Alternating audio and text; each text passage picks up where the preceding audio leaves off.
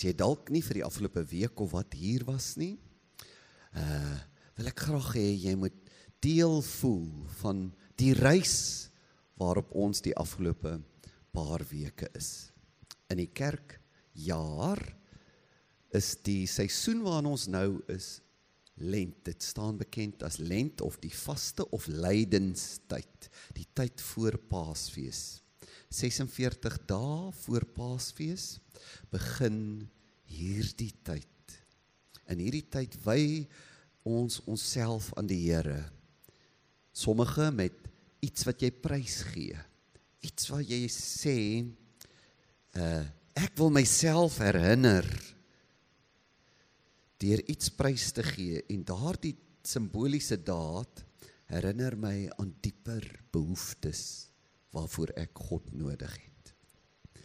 Vas self ook as jy nou en dan vas of gereeld die vas self het nie eintlik is nie 'n doel nie. Dis waaraan dit jou herinner wat die doel is terwyl jy vandag nie eet nie.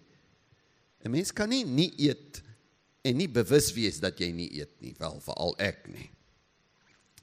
Maar terwyl jy dan daardie ervaring in jou liggaam het, ek voel nie soos wat ek ander dae voel nie weens die feit dat ek nie eet nie. Vra jy jouself waaraan herinner hierdie honger my nou? O ja, Here, ek bid vir 'n kind. Ek bid vir my besigheid of vir iemand met probleme. So daardie simboliese daad raak iets wat jou herinner aan 'n meer belangrike saak. Net so in lent.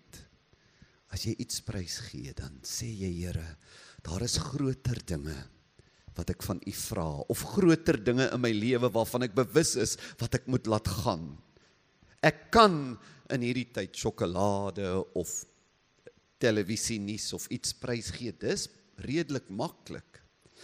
Maar waaraan dit my herinner? My meer of 'n groot krisis eers in 'n vriend of 'n familielid se lewe. Here, daaraan weet ek nie of ek iets kan doen nie, maar ek vertrou U daarvoor. Ons het gesê dat in lent onthou ons dat ons geloof nie net 'n hartsgeloof is nie.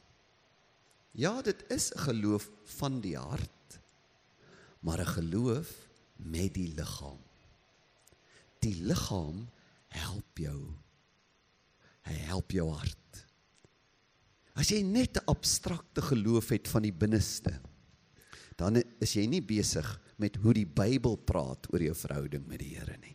Jou liggaam is betrokke.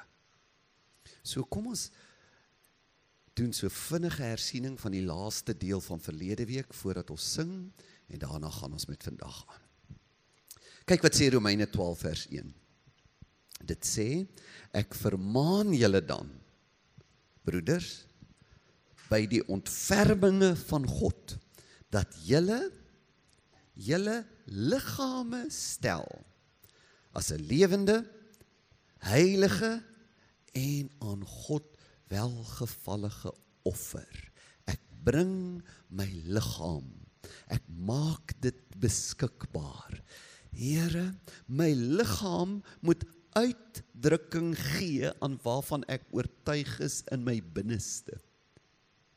My binneste sê vir my, God moet aanbid word. Ek doen dit met my liggaam.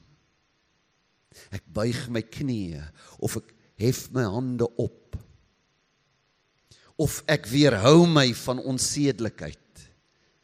Ek kom met my verslawing en sê Here verlos my daarvan want my liggaam moet uitdrukking gee aan die feit dat ek U wil volg. Kyk wat sê 1 Korintiërs 6, jy ken dit dalk goed. Of weet julle nie dat julle liggaam 'n tempel is van die Heilige Gees wat in julle is, wat julle van God het en dat julle nie aan julleself behoort nie. Want julle is duur gekoop verheerlik God dan in julle liggaam en in julle gees wat aan God behoort. Jou innerlike en jou uiterlike is nie jou eiendomme nie. Dis God se. Jy bring dit na hom toe. En dit is wat so oggend soos hierdie so so baie werd maak.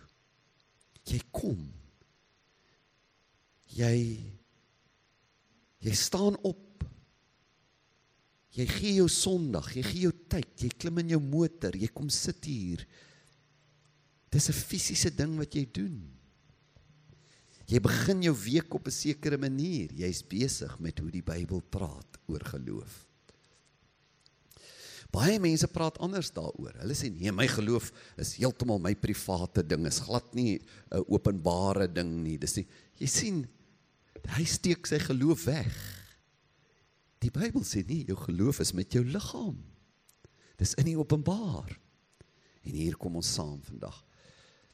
Ek het gister um, daar in Stellenbosch opgetree by die Woordfees en my vrou Barbara moenie vir haar sê ek het jou gesê nie, het gister 50 geword. Jy kan nie glo ek het so ou vrou nie, maar uh uh en net om nou vir haar die dag spesiaal te maak, het ons van daar af gery deur daar na ander kant Kalitsdorp in Maatjies vlei. Ons gaan dikwels soen toe, daar so 'n plaas en dan kyk jy so oor die rivier en sy wil nou langs 'n rivier wees op haar 50ste verjaarsdag. Sy kan nie sonder visvang gaan nie. Dis nou maar hoe sy is. En uh toe ek nou 4 uur vanoggend daar opgestaan en hierheen gekom en hoekom ek dit vir jou vertel? Dis die mooiste plek. Gisteraand was volmaan en dan kyk jy oor die berge en onder lê die water. En 'n mens sou dink, o, nou moet ek my daar wegskeer. Maar toe ek ver oggend hier instap, is die eerlike ek sê dit uit my binneste, die eerlike ervaring van my wese. Here, niks is mooier as dit nie. Geen ervaring, geen natuurervaring al het God dit geskep. Niks kan vergelyk met die ervaring ek kom in 'n heilige plek waar God beloof ek is by julle. As julle liggaamlik en geestelik in 'n een eenheid saamkom, verander die plek waar julle is of dit 'n mooi gebou is of dit onder 'n boom is, verander dit as die mooiste waardevolste heiligste plek in die heelal. Ons is hier. Ons liggame saam ook word tempel. Dis wat is. Hierdie is nou 'n tempel. Omdat jy jou liggaam hierheen gebring het. Ons het gekyk hoe die hele Ou Testament so was. Dit was 'n fisiese godsdiens, nie net die Ou Testament nie, ook die Nuwe Testament. Dit begin by Genesis, hoe hulle klippe moet stapel, altare bou. Ons het gekyk na die feeste en die herdenkinge, hoe hulle dinge moet doen fisies om hulle te herinner hoe goed God vir hulle was. Die tabernakel en die tempel, hoe vol simbole, kunswerke en rituele dit is. Selfs die argitektuur moes aanbid. Al sê Jesus, God woon nie in geboue van klip nie. Bedoel hy daarmee glad nie dat geboue nie belangrik is nie, maar hy sê eintlik daar vir daardie Joodse leiers, julle is ver van God af. Nou dink julle hierdie gebou is iets. God is nie meer hier nie. Maar dit beteken nie waar mense werklik saamkom in 'n gebou om God te aanbid, daai plek verander nie. Hierdie is 'n tempel. En ek hoop jy vertrou saam met my dat ons net hier agter daai muur is 'n vertrek. Ek het ver oggend weer daar gaan bid en sê Here, ek sien dat daardie 'n kapel word. Waar selfs die gebou sê as jy na diens voel, iemand moet nou vir my bid of ek wil nog stil wees of in die week Dat jy daar inkom, ons speel stil musiek. Ons sit mooi loodglad vensters. Ons sit 'n spitsdak daarop. En is uitsluitlik vir mense wat God wil ontmoet. Ek sien dit. Want ons geloof is 'n geloof van die liggaam, van die aarde. Ons het gesien selfs die Nuwe Testament. Openbaring, die boek Openbaring waar die Nuwe Testament eindig, kry jy hy's vol wierook, krone, mense wat buig, mense wat neerval, fisiese handelinge. Ons geloof is nie net 'n idee of 'n oortuiging geloof nie. Dis 'n fisiese geloof. Jou liggaam. In gebed praat die Bybel baie van mense moet kniel, hulle moet hulle hande ophef, hulle lê plat op die grond, hulle kyk op of hulle kyk af, buig hulle hoofde, steek kersse aan. Dis nie 'n katolieke gebruik nie, kom reg van die begin van die Bybel af. In die tempel moes hulle elke dag 'n lamp laat brand. Daar's geen krag in 'n kers nie. Daar's niks heilig daarin nie. Jy kan hy selfe kersse vat en hom op 'n verjaarsdagkoek gaan sit.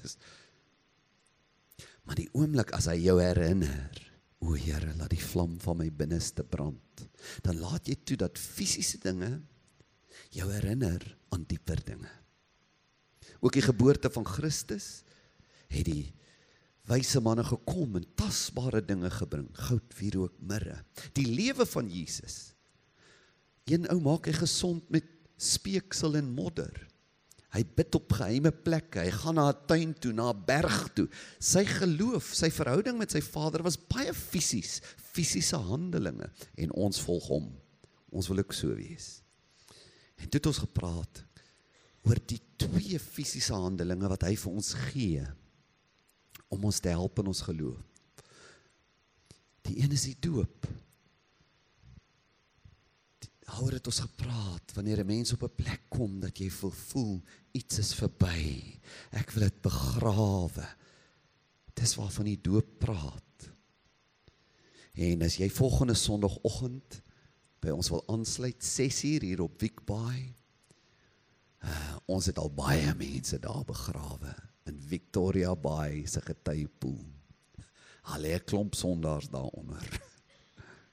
Baie mense, honderde al, het daar saam met ons gegaan en gesê ek wil sê iets is verby en iets nuuts begin. Die doop praat daarvan. Ek is ook deel van 'n gemeente, sê die Bybel. Een geloof, een doop. Die doop is ook 'n 'n teken van 'n bad, iets wat jou was. Jy sê Here, ek wil hier fisies getuig dat U my vergewe het.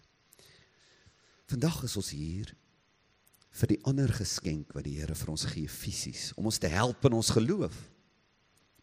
Die nagmaal. En daaroor gaan ek met jou praat.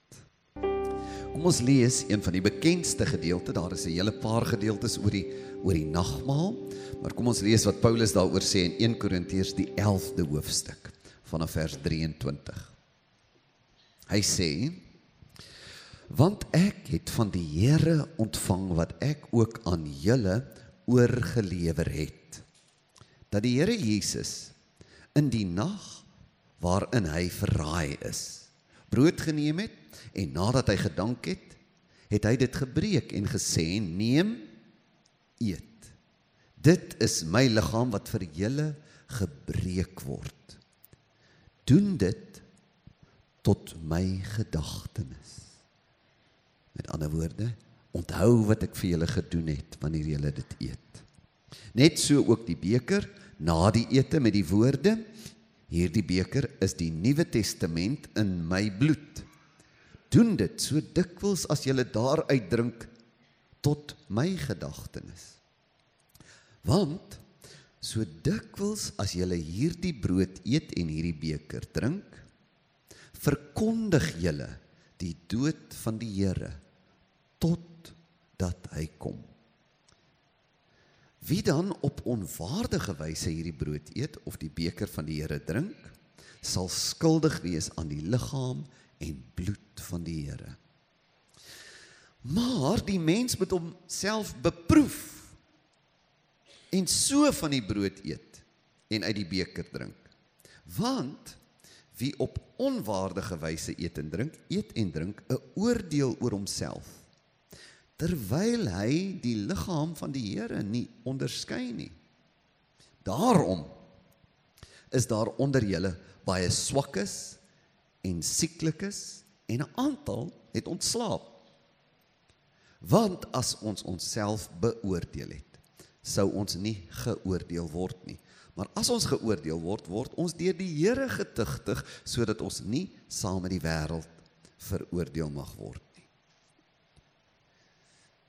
Kom ek lig net 3 aspekte uit. Drie redes dat jy kom en die brood eet en die wyn drink. Die eerste rede is ooglopend. Dis iets om te drink en te eet. Die rede is daarom my honger en my dors. Dis die rede vir nagmaal. Elke keer wanneer ons hierdie brood eet, ons weet hierdie brood self gaan my nie versadig nie. Ons ons eet net 'n simboliese stukkie brood. En ons drink 'n klein slukkie wyn. En hierdie elemente herinner my aan iets dieper. Net soos alle simboliese handelinge is die handeling self nie eintlik die doel nie, alhoewel dit 'n wonderlike ding is om te doen. Is die doel nie ek kom want ek wil 'n stukkie brood hê nie. Die doel is ek eet die brood om myself te herinner aan 'n dieper honger. Ek drink die wyn om myself te herinner aan 'n dieper dors. En dit is een van die groot temas reg deur die Bybel. Ek moes so sif want daar is soveel verse wat daaroor praat dat dit is eintlik hoe ons almal na God toe kom. Jy kom na die tafel toe sonder enige meriete. Jy kwalifiseer nie. Jy kom net omdat jy behoeftig is. Jy kom nie omdat jy iets het nie, jy kom dit omdat omdat jy nie iets het nie. Jy, jy kom na die brood toe want jy het nie brood nie. Jy kom omdat jy honger en dors is. So moet alle mense na God toe kom. En dit was Jesus se probleem met die leiers van die van die kerk van sy tyd. Dat hulle het gekom nie met honger en dors nie. Hulle het gekom met soos die Engelsman sal sê, 'n claim to fame. Ek vas soveel kere 'n dag, 'n week. Ek is so heilig. Selfs ek kom uit hierdie familie of stam. Ek is 'n leviet. Ek doen 'n besondere werk. Ek is 'n prediker. Ooh, ek is 'n van wyk. Party van ons reken op ek is Afrikaner, ek is 'n Christen mens. Nee, nee, nee, nee. Na die nagmaal toe kom jy gestroop. Jy kom met niks en is wonderlik. Want dit beteken jy kan hier inkom. En jy hoef nie te vra kwalifiseer ek nie. Jy kwalifiseer juis nie en is omdat jy nie kwalifiseer nie dat jy dit mag gebruik. Here ek het nie dit wat my diepste wese nodig het nie. Ek het dit nie. U moet dit vir my gee. Kom ek lees vir jou net so twee skrifte oor hierdie dieper honger en dors. Baie bekend. Een uit die Ou Testament, Jesaja 55. Kyk wat sê, hoe dis God se uitnodiging na jou toe. O almal wat dors het. Kom na die waters. En wie geen geld het nie, kom koop. Kan jy sien? Dis 'n paradoks, nê? Die enigste ou wat hierdie dier ding, hierdie dier voedsel en drank kan koop, is die ou met die met die regte geld en dis geen geld nie. Kom koop. Hoe koop jy? As jy daar aankom en sê, "Oor ek wil daai, ek het soveel geld, o nee, jou geld is te veel." Jy moet niks hê nie. Kom koop sonder geld en eet. Ja, kom koop sonder geld en sonder prys wyn en melk. Waarom weeg jy hulle geld af? Vir wat geen brood is nie en julle arbei vir wat nie kan versadig nie. Kom stop nou eers daar. Julle julle werk sê hy. Julle arbei vir wat nie kan versadig nie. Hy sê by God kan jy nie so kom nie. Jy kan nie kom met dit het ek gedoen nie. Miskien ook sin speel dit op 'n besige lewe. Wanneer jy na die nagmaal toe kom, dan moet jy sê Here, my lewe is te besig.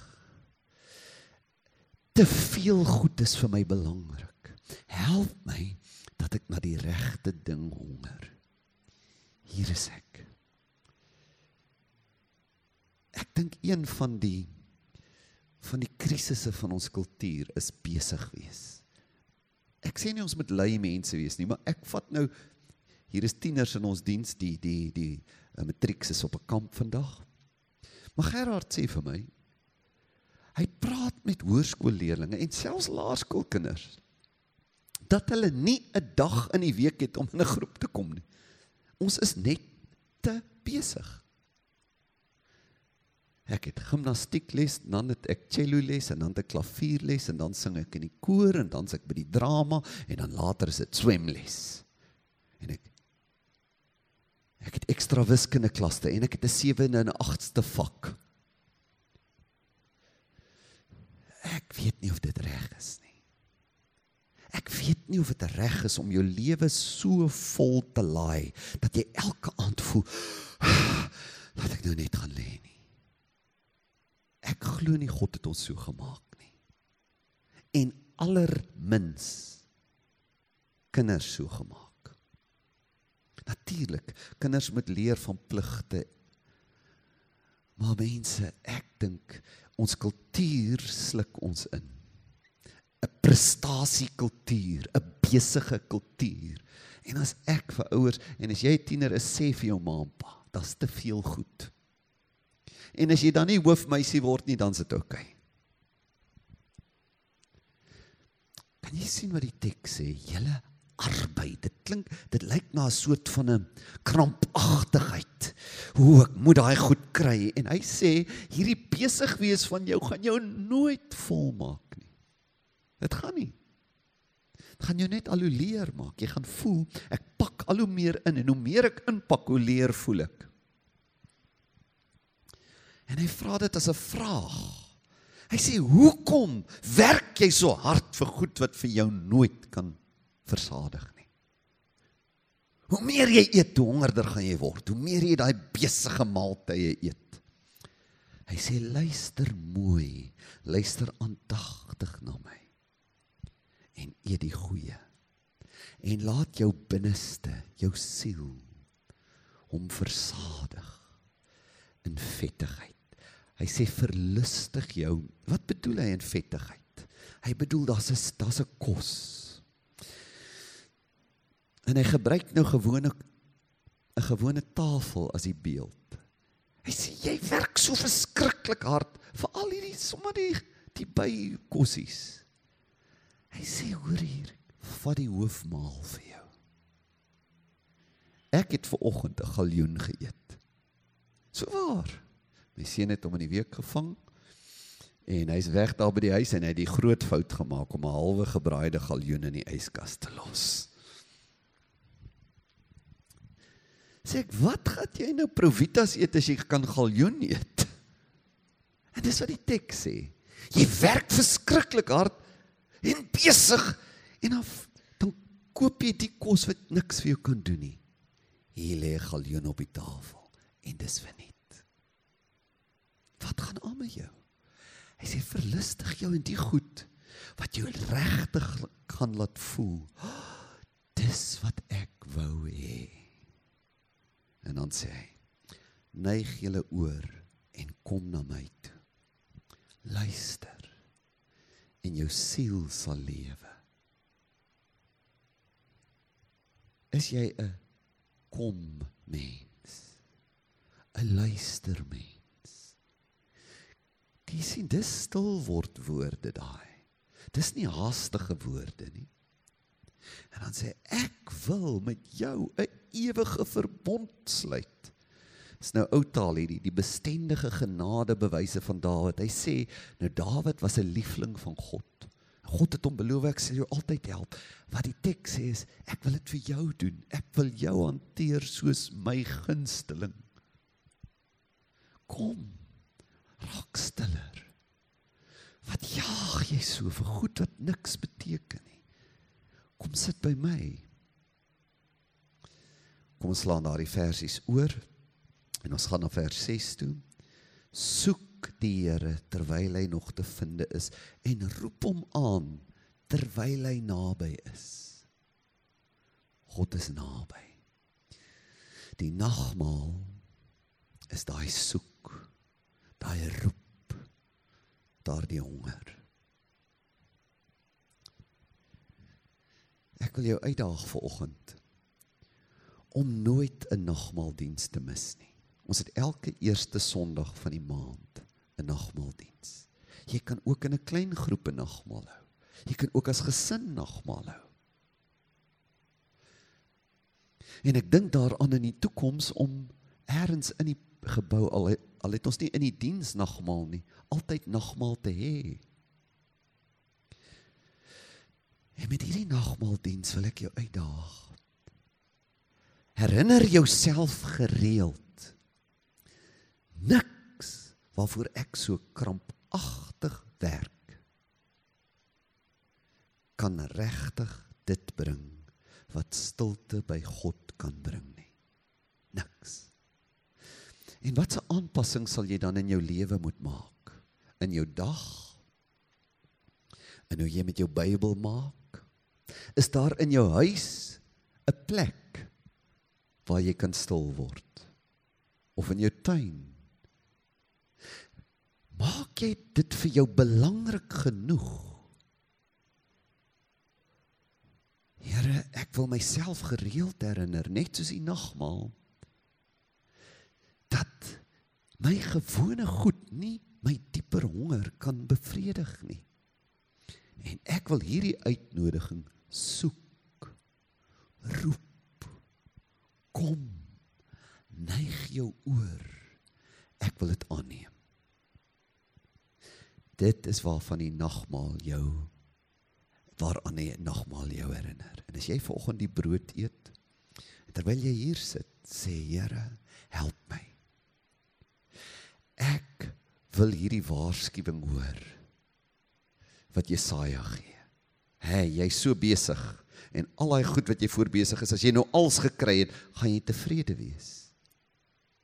Dit beteken nie ons gewone ambisies en prestasies is verkeerd nie, maar as dit al is waarna ek streef sonder dat ek die onderbou die hoofprioriteit, die fondasie van ontmoeting met die Here het.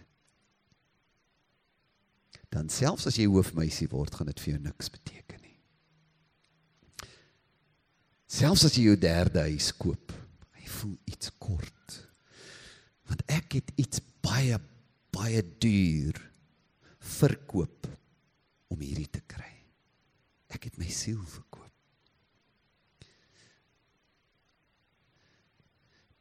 Die tweede ding waarvan hy nogmaal praat. En dit was nou baie belangrik in ons teks, nê? Selfondersoek. En as jy nou weer by die huis 1 Korintiërs 11 wil gaan lees, dan gaan jy agterkom dat dis 'n onheilspellende hoofstuk. Hy sê hierdie is wel simbole. Ja, dit is gewone ongesuurde matsos, brood en wyn. Maar jy kan hierdie gewone brood en wyn op 'n manier eet wat jou skade kan doen. Sien, dit is fisiese handelinge. Maar dit is heilig. Dit is goed wat jy net kan doen as jy ernstig is daarmee. En nou sê hy, hierdie maaltyd. Dis hoekom jy dit gereeld moet doen. Is 'n oomblik waar jy jouself ondersoek. Ondersoek jouself. Vra jouself. Is daar dinge in my gewete wat ek bietjie wegskuif? Hoe lyk my week? Hoe lyk my verhoudings? Hoe gaan dit regtig met my? Hy sê na die maaltyd toe kom jy self ondersoekend.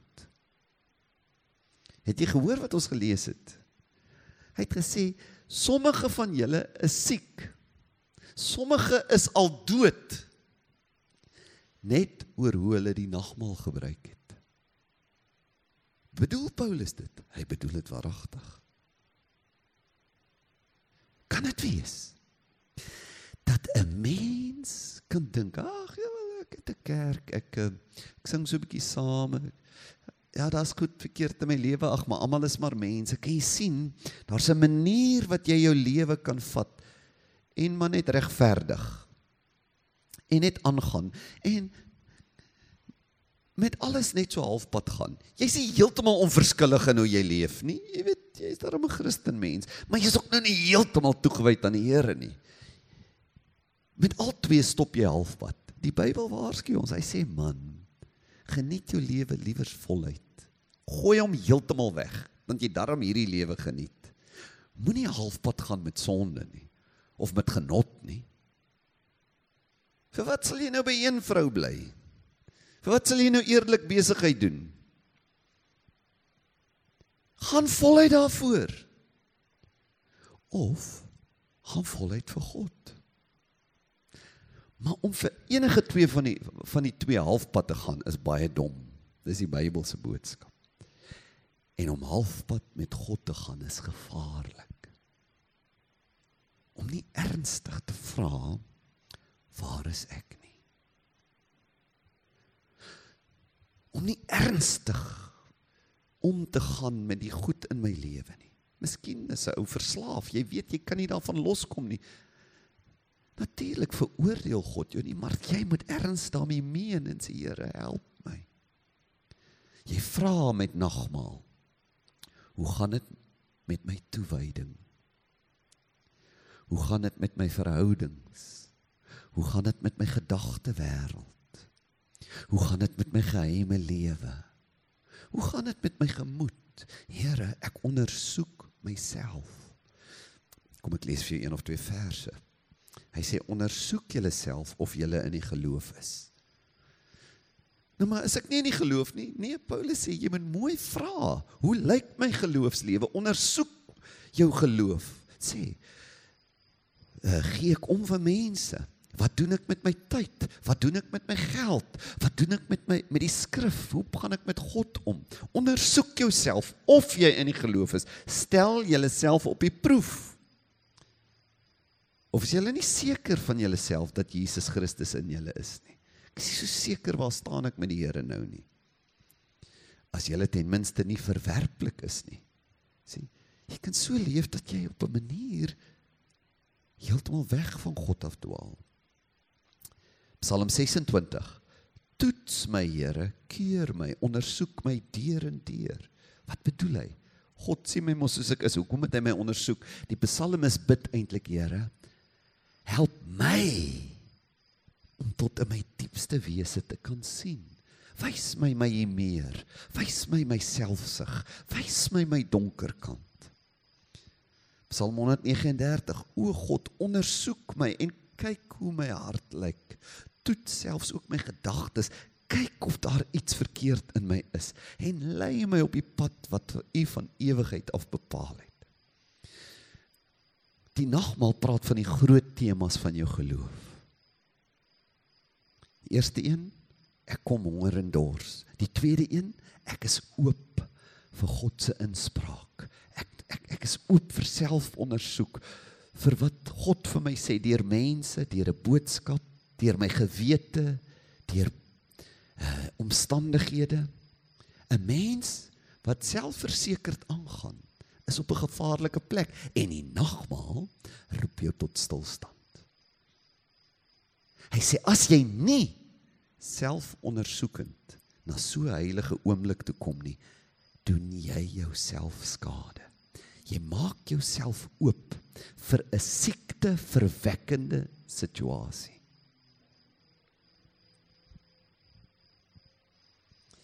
Ehm um, En ons het 'n ons het 'n binneste wat ons self kan mislei. 'n Mens kan dink dit gaan met jou goed, dan gaan dit met jou baie sleg. En daarom moet jy met die nagmaal sê ek raak doelbewus stil. Ek bid dit, Here, wys my, praat met my. Maak my onrustig as daar iets verkeerd is. Kyk wat sê Spreuke 21. Elke weg van 'n mens is reg in sy eie oë. Jy sien so, as jy nie doelbewus in 'n heilige omgewing stil raak en sê Here, ek erken ek self het nie die vermoë om 'n korrekte opsomming te maak van hoe dit met my gaan nie. U moet my help daarmee.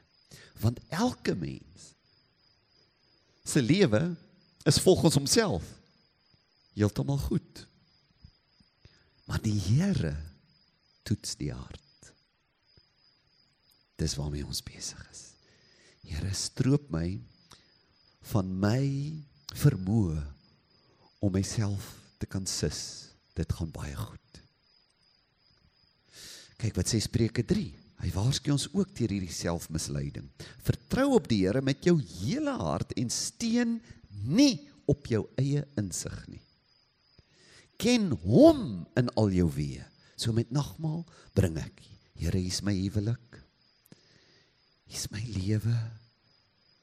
Praat met my. Ek ken U. Dan sal hy jou paie gelyk maak. Wees nie wys in jou eie oë nie. Vrees die Here. Here, wat sê U? Nie wat sê ek nie. En wyk af van die kwaad. En kyk nou. Onthou jy net wat ons gelees het in Korintiërs 11? As jy jouself nie ondersoek nie, wat gebeur? Jy kan siek word. Kyk wat sê Spreuke. As jy oopmaak vir die Here om met jou te praat en hom eerbiedig, wat sê hy? Dit sal genesing wees vir jou liggaam en 'n verkwikking vir jou gebeente. So aan die een kant as ek myself die hele tyd paai, nee wat, ag is okay, ek het nie die kerk so nodig nie, ek het nie prediking so nodig, ek het nie regtig nodig om ek is ek doen my ding. Dan vorm daar iets oor my binneste wat my oopmaak daarvoor dat my lewe op 'n afdraande pad kan gaan en selfs fisies ook. Aan die ander kant kom ek eerbiedig en nederig, oop, sensitief. Here, help my, praat met my, wys my. Sê hy, so daardie gesindheid is genesend, maak jou gesonder. Dit is fisies, dis wetenskaplik bewys dat mense wat gereeld saam met ander mense aanbid, hierdie gesindheid het, ek kom voor God, leef langer en is gesonder. Dis wetenskaplik bewys. Uh Jesaja 5: Wie hulle wat in eie oë wys en na eie oordeel verstandig is. Kom stop daar. Ek het nog skrifte gehad. Wonder of jy nou wil stil word. Want ons gaan binne 'n paar minute die nagmaal gebruik. Ek gaan nog een aspek vinnig uitlig. Maar hoe kan ons nou praat oor raak stil? Erken jy jy het behoefte, jy's honger en dors. Erken hoor jy ek kan nie weet hoe dit met my gaan nie. God moet my wys.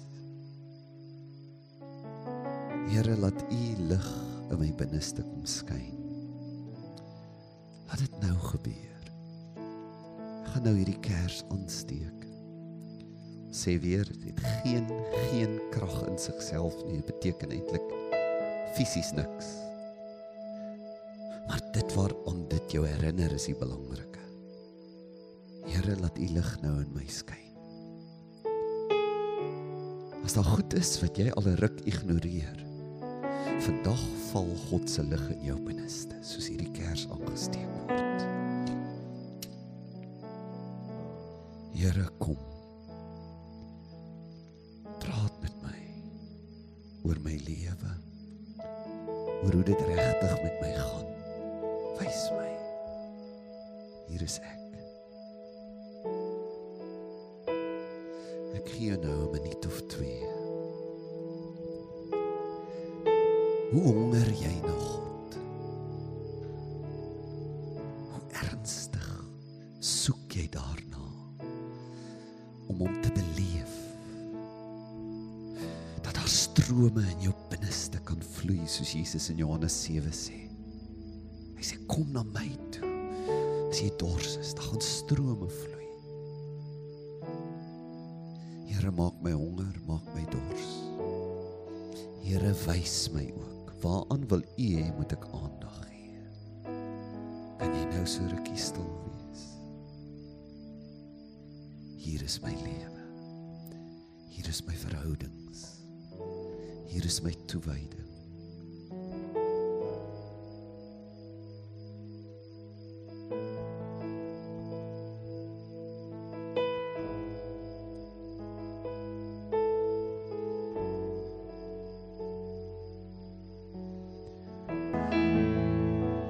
Die nagmaal gebruik en voordat ons dit doen, kom ons kyk na die laaste uh betekenis. Dit wat waarvan die nagmaal spreek. Dit praat van 'n toegewyde geheue. Wat bedoel ek daarmee? Die nagmaal moet jou herinner aan die grootste ding wat ooit gebeur het. Jesus het vir jou gesterf.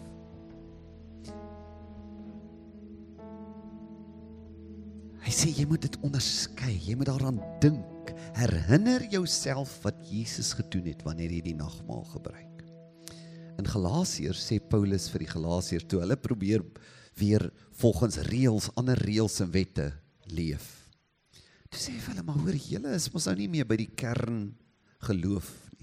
Hy sê onthou jy wat ek vir julle gesê het toe ek vir julle die evangelie verkondig het? Kyk wat sê hy. O onverstandige Galasiërs, weet julle betower om die waarheid nie gehoorsaam te wees nie?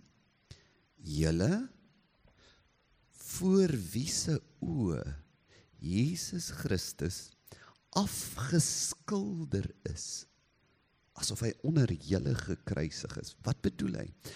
Hy sê die boodskap wat julle geglo het was 'n boodskap wat wat vir julle asof soos 'n prentjie geverf het van Jesus se dood.